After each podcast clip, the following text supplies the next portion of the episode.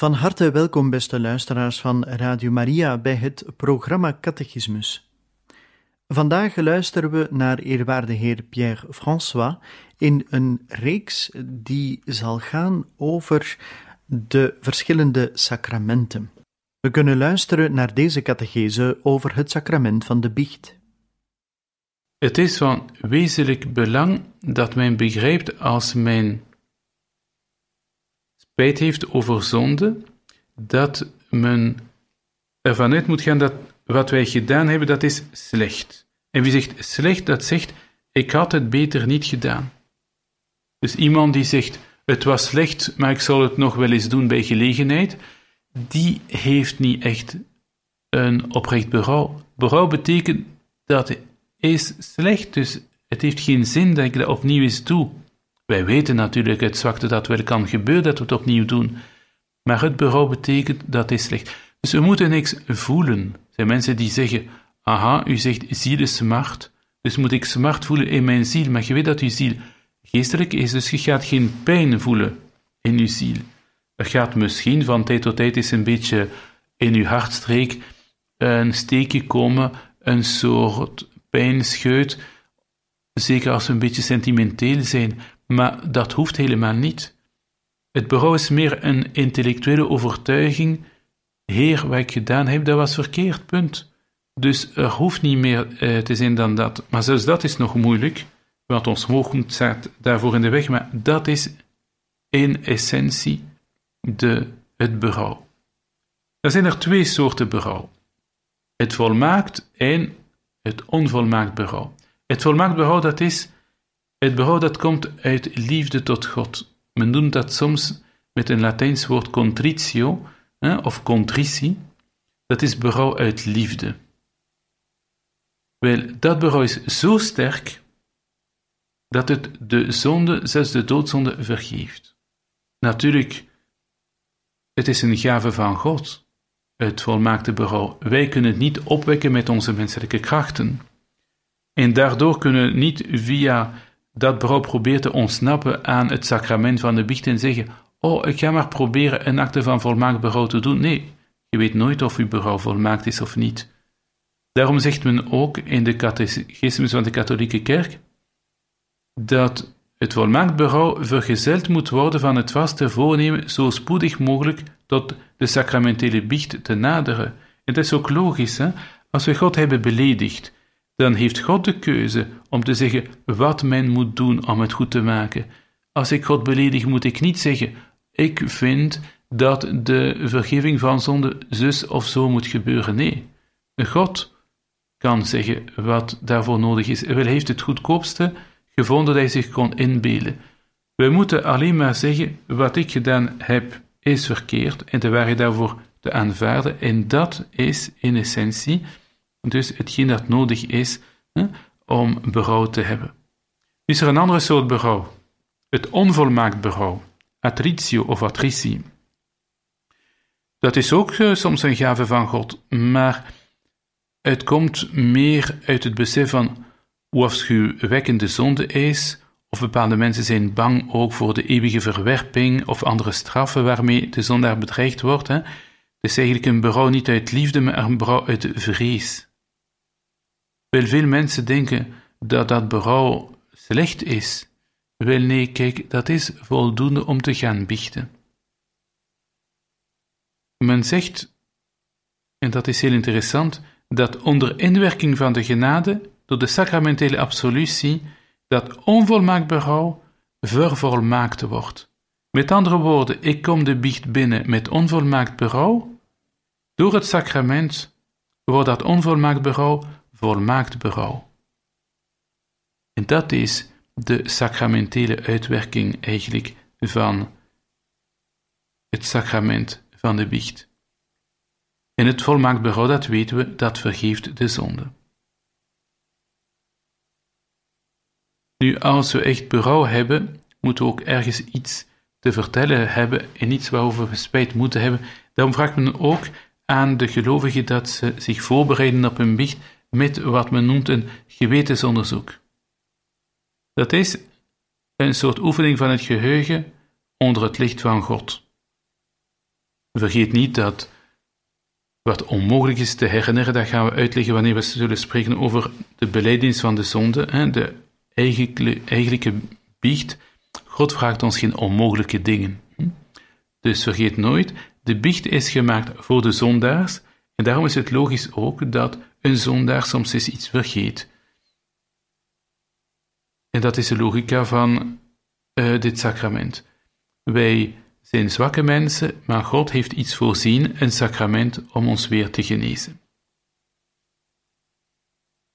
De tweede operatie, de tweede act van de boeteling is de beleidenis van de zonden.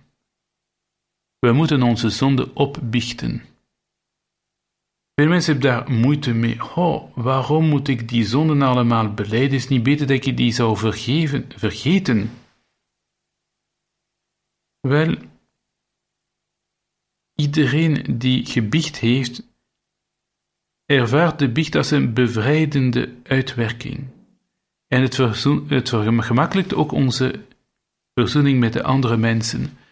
De beleidenis van zonde is niks anders dan de waarheid over onszelf aanvaarden.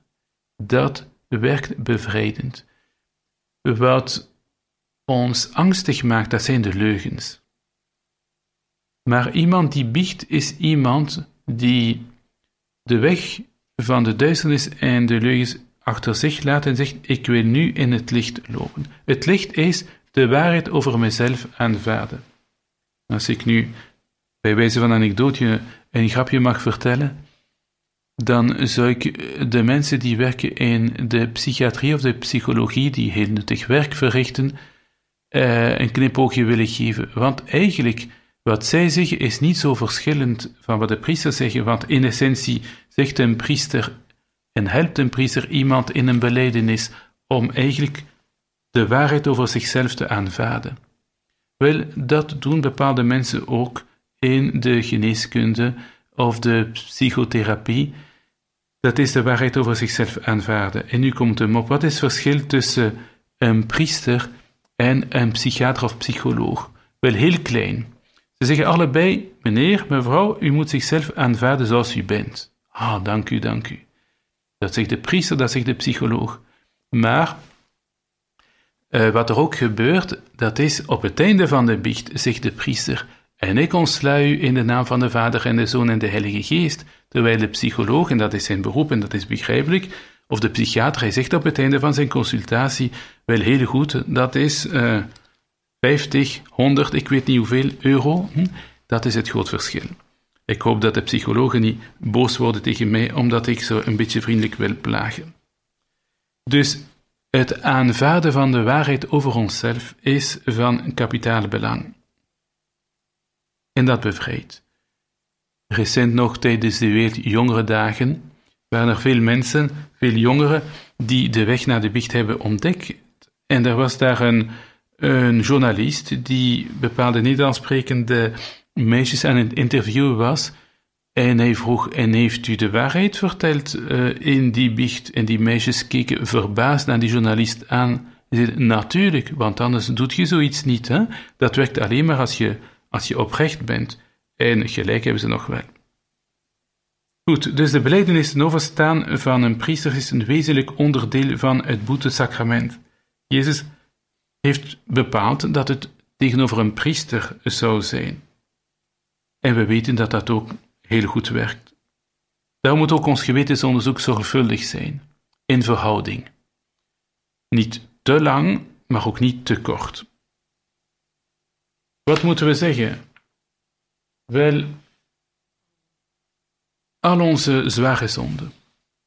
Ergens anders in deze catechese gaat men uitleggen wat een zware of doodzonde is maar die moeten allemaal vernoemd worden. Moest we zonder schuld zo een zonde verzwijgen, dan zou het niet erg zijn, maar bewust zonde verzwijgen is contradictorisch en het is onmogelijk vergeving van zonde te krijgen als men op die manier eigenlijk de ogen sluit voor de realiteit.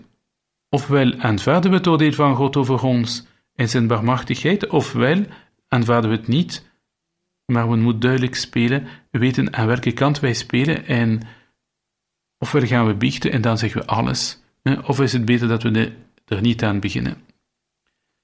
Een kerkvader, en ik denk dat dat de heilige Hieronymus is, die zei: Als de zieke zich ervoor schaamt zijn wonden aan de dokter te laten zien, kan de geneeskunde niet verzorgen wat zij niet kent.